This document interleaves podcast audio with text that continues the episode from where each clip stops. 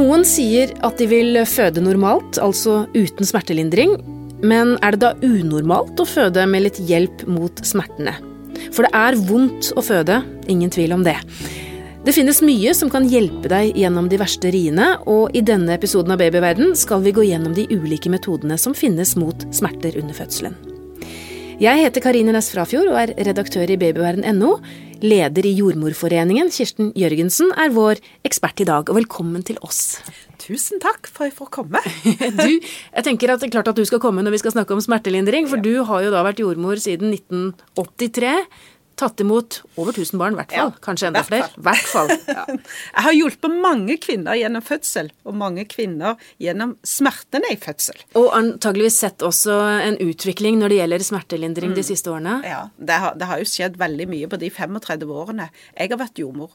Eh, og på mange måter òg til det bedre, eh, syns jeg. Altså, det er klart at kvinner eh, Det som jeg er veldig opptatt av, det er at det kvinner skal kunne ha en jordmor til stede når de har rier og har vondt gjennom fødselen. For det vet vi, at når jordmor er til stede og kan roe og oppmuntre, og så senkes behovet for smertestillende.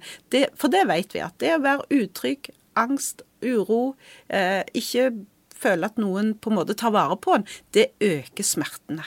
Sånn at vi, vi, vi jobber veldig mye for at jordmor nå skal være kontinuerlig til stede gjennom den såkalte aktive delen av fødselen, altså når riene er på det verste. For det er klart, rier er vondt. Men så er det jo sånn at disse smertene er, de, Det er jo pause. Og så er det, er det, sånn at for, Jeg bruker å si til når jeg står med kvinner Du er jo så flinke. Og nå skal du tenke på at for hver ri så nærmer du deg målet. Tenk på det. Altså, og det, det, er liksom Og det, det, er jo en fantastisk smerte som gir et utrolig resultat. Det er jo ingen andre smerter som gir et sånn et flott resultat. Og det bruker jeg å si når jeg er inne på fødestuene til kvinnene. Og jeg, jeg tenker mange ganger på det at jeg sitter der og på en måte sier du er kjempeflinke dette, dette, får, dette, kan du, dette får du til, er så viktig. Det tenker jeg grunnlaget. Dette med ro, trygghet og omsorg er en av det liksom fundamentet for eh, at kvinner skal på en måte, eller fødekvinnen skal takle denne smerten. Men så er det jo sånn at eh, vi er forskjellige, og noen går dette greit for. Noen trenger kanskje litt mer. Og det, heldigvis så har vi mulighet til å hjelpe kvinnene. Noen kan ha veldig lange forløp, vonde forløp. Det kan være mange årsaker til det. In, det er ingenting. Altså, jeg, jeg bruker å si at hvis en trenger smertestillende, så er det ikke noe nederlag. For da er det riktig. Der og der. Jeg regner med at det finnes mange forskjellige typer eh, smertelindring. Mm. Eh, hva er det mest eh, vanlige, mest brukt i Norge i dag? Altså, En prøver jo å tenke at en skal først gå på det ikke, altså ikke medikamenter, for å si det sånn, og da bruker en veldig mye badekar. Men akupunktur under fødsel er jo òg veldig mye brukt. Det er jo, jeg tror nesten ja, veldig mange jordmødre i dag har tatt akupunkturutdanning, kurs. Og så, er, så sier jeg at det er en fantastisk hjelp for kvinner. Men er det bevist at det virker? Har det ikke vært litt diskusjon rundt det? Jo, det har vært diskusjon, men, men jordmødrene sier det virker, og kvinnene føler det virker. Det har noe, en, en slags eh, angstdempende, altså beroligende effekt for mange. Altså, vi ser jo at det virker. Jeg ser jo sjøl at det virker. Og da tenker jeg at en gjør jo ikke noe galt med det når ting virker. Det samme med vann og badekar òg. Dette, dette, med at det virker beroligende. Vi ser jo at det òg virker. Sånn at det, en prøver jo da først å, å tilby disse metodene, f.eks. Fins det andre eh, ikke-medikamentelle metoder? Altså Vi hadde jo også dette med Vi, vi brukte jo òg sånne Vi satte sånne stikk bak i ryggen som òg virkte. Altså sånne insektsikt på en måte. Eh, rett under huden. Som òg hadde en sånn nervepåvirkning på smertene. Hva het det igjen? Ja, det var det jeg på en måte satt og tenkte på nå. Hva var det vi kalte det? men, det men det du sier er at man bruker det ikke lenger? Det brukes mye mindre, for akupunkturen har, opplever jeg har på en måte overtatt ja. veldig mye av dette. For det òg handler jo om at en på en måte setter nåler inn i nerve ja, områder da, som på en måte har en eh, smertestillende, beroligende virkning. Og vi vet jo òg at dette med, med, ro og hvile, det gjør jo dette når hormonene får flyte fritt. Så, så får òg disse endofinene eh, på en måte eh, en, en, god plass i Altså oksytocinhormonet, kjærlighetshormonet, det gjør jo òg at en på en måte tåler smerten på en helt annen måte.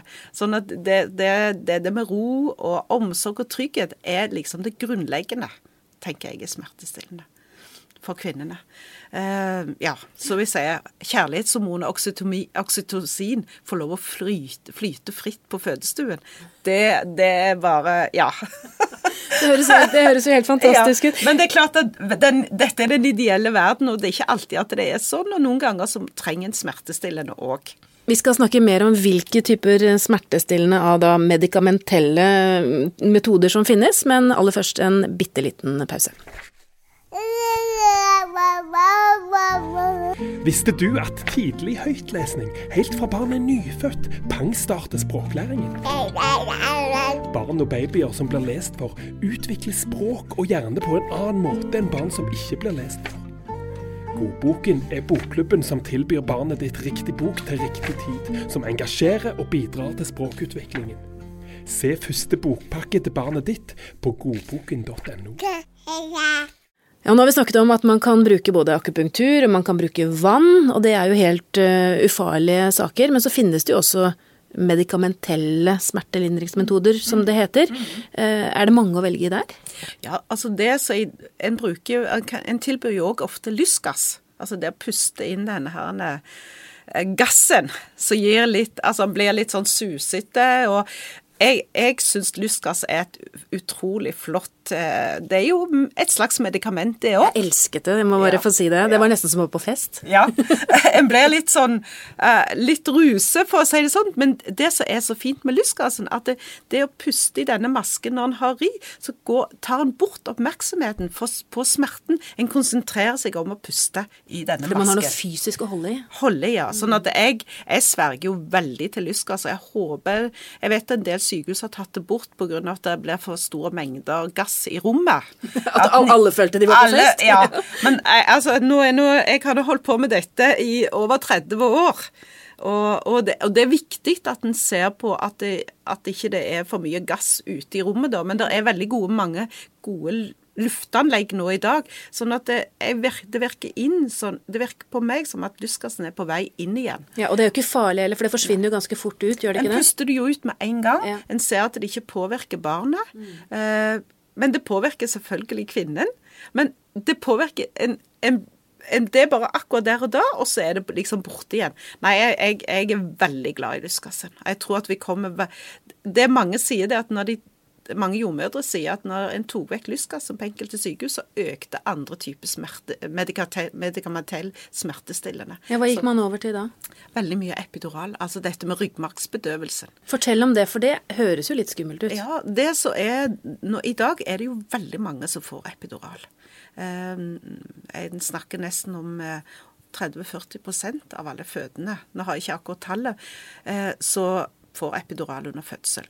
Det er jo en, et medikament en setter inn i ryggmargen. Og det er jo anestesilege som må sette det. Eh, men der vil jeg si at når en trenger epidural, så er det veldig, veldig godt å kunne ha det hjelpemiddelet. For det, hvis en har vært lenge i fødsel, ingenting skjer, en er sliten Og det å få en pause, da For, med, for det riene vil jo eh, Altså, En merker ikke riene på samme måte, og for mange så blir de helt borte òg en periode. Sånn at en får tatt seg litt inn. Eh, sånn at eh, Jeg ser at når det er nødvendig, så er epidural virkelig, virkelig bra eh, smertestillende middel under fødsel. Og faktisk en av de mest vanlige i dag. Men du sier når det er nødvendig. Hvem er det som tar den avgjørelsen, da? Ofte, sånn som, Etter min erfaring så er det jo sånn at en jeg snakker med kvinnene om dette paret. Eh, det skjer kanskje Bare for å ta et sånt eksempel. det er kanskje, Jeg ser at hun er veldig sliten. Det skjer kanskje ikke. Fødselen stopper opp.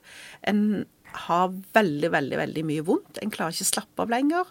Eh, det går, er på grensen til hva, hva på, altså Dette er en vurdering jordmødrene gjør sammen med kvinnen, hvor hun sier kanskje kunne epidural vært noe for deg nå.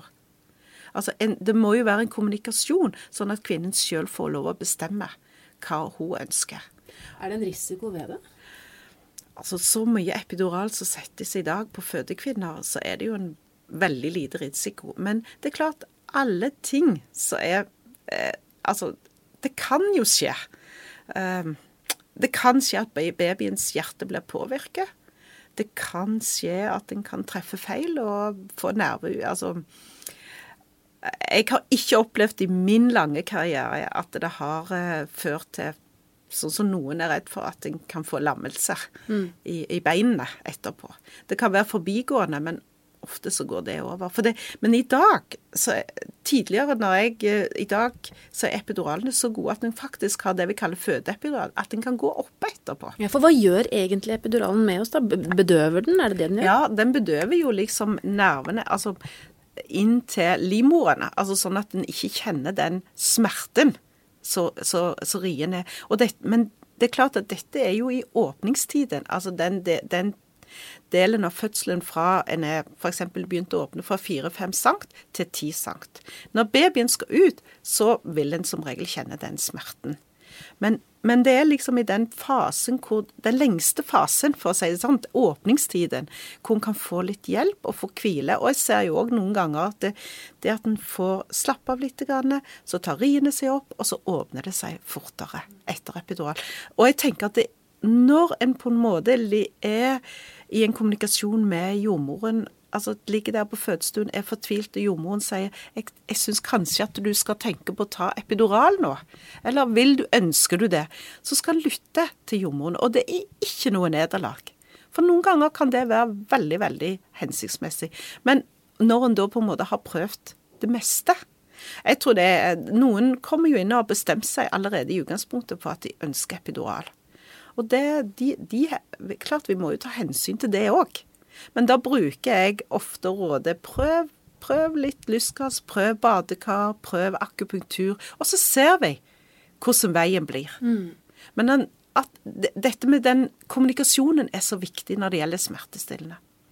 Og jeg, jeg opplever at jordmødre i dag er veldig vare på kvinnene sine ønsker og hva slags behov de har. Vi, vi er det var nok litt annerledes før i tiden. og før min tid. For jeg, jeg, jeg, jeg syns vi er veldig Vi prøver å, fylle, å, være veldig på tilbudssiden for kvinnene. Og det skal vi være òg. Det, dette skal være Altså, det er jo så viktig. Dette er vi føder ikke så mange barn i dag. Det vet vi jo. Ja, og nå har vi fått tall som viser at vi føder færre nesten enn noensinne. Færre enn noensinne. Og det er viktig at de opplevelsene blir gode. Og da er min jobb å gjøre fødselen til en god opplevelse for mor og partner. Og, og det, da er dette å legge til rette kjempeviktig. Mm. Men uh, altså, epidural er den mest vanlige smertelindringen mm. når det kommer til medikamenter. Mm. No, Fins det noen andre også alternativer? Ja, da, altså, det er jo en del før, før en går over til epidural, så har en kanskje prøvd andre typer medikamenter òg, som går på stikkpiller i ulike Paracet, paracetamoltyper. Det kan være Det er andre typer medikamenter, men det er veldig forskjellig fra sykehus til sykehus. Jeg tør liksom ikke gå inn. Men en prøver gjerne òg. Paracet er jo òg vanlig at en bruker veldig tidlig. Ja, enkelt og, enkelt og greit. Enkelt og greit. Gjerne stikkpiller. Men dette er jo veldig variabelt, alt etter hva slags sykehus en er på. Mm. Men hva tenker du da i forhold til det å eh, forberede seg eh, når det gjelder smertelindring? Det er kanskje skummelt der, som alt annet med fødsel, å gjøre seg opp en for sterk mening eh, mm. før man går eller kommer på fødestua? Ja. Jeg, det er det jeg prøver å si òg, at jeg tror ikke en skal gjøre opp en så sterk mening om at jeg ønsker det, jeg ønsker det. For jeg tror at dette er viktig, at en har en god dialog med den jordmoren som skal hjelpe deg gjennom fødselen. For det, det kan bli så helt annerledes. Og så, så er det jo, så jeg sier at en kan fø noen føder da uten kanskje bare med badekar, akupunktur. Noen trenger litt mer. Ingenting er verken nederlag eller Altså, vi prøver jo å hjelpe kvinnene sånn at de skal få den beste opplevelsen. Og det å ikke ha bestemt seg på forhånd, men på en måte la liksom kroppen, riene, komme, og på en måte se hvordan går dette. Eh, hva skjer? Eh, snakke med jordmoren. 'Nå trenger jeg det. Jeg trenger ikke det. Det går fint. Det går fort.' Det kan, mange, hos mange kan det gå så fort at en trenger ikke smertestillende i det hele tatt. Noen ganger går det veldig, kan det gå veldig ta lang tid hvor en trenger smertestillende. Uansett så er det ikke noe nederlag verken at en må ha smertestillende. Det, det, tror jeg er veldig viktig. Men fødsel er naturlig uansett? Jeg tenker at det, Altså, fødselen er veien for å få Altså, målet er jo å få et friskt barn. Det må faktisk være det viktigste. Og noen ganger kan veien være kronglete, noen ganger rett fram. Men altså, uansett, målet må være det viktigste, å få et friskt barn. Så det, altså jeg tenker Fokuset må ikke alltid være så mye på den veien, men målet må være viktig. Tusen takk skal du ha, Kirsten Jørgensen. Hvis du lurer på mer om dette temaet, finner du mange artikler på babyverden.no. Og diskusjoner med andre foreldre i Babyverdens diskusjonsforum. Last også ned appen vår, Gravid og barn, så har du informasjon om både graviditet og barnet ditt rett på telefonen. Har du spørsmål eller kommentarer, kan du sende en e-post til podkast at babyverden.no. Men husk, vi er journalister, ikke helsepersonell, så hvis du har medisinske spørsmål, må du ta kontakt med jordmor eller fastlegen din. Takk for at du hørte på Babyverden. Alt godt til vi høres igjen.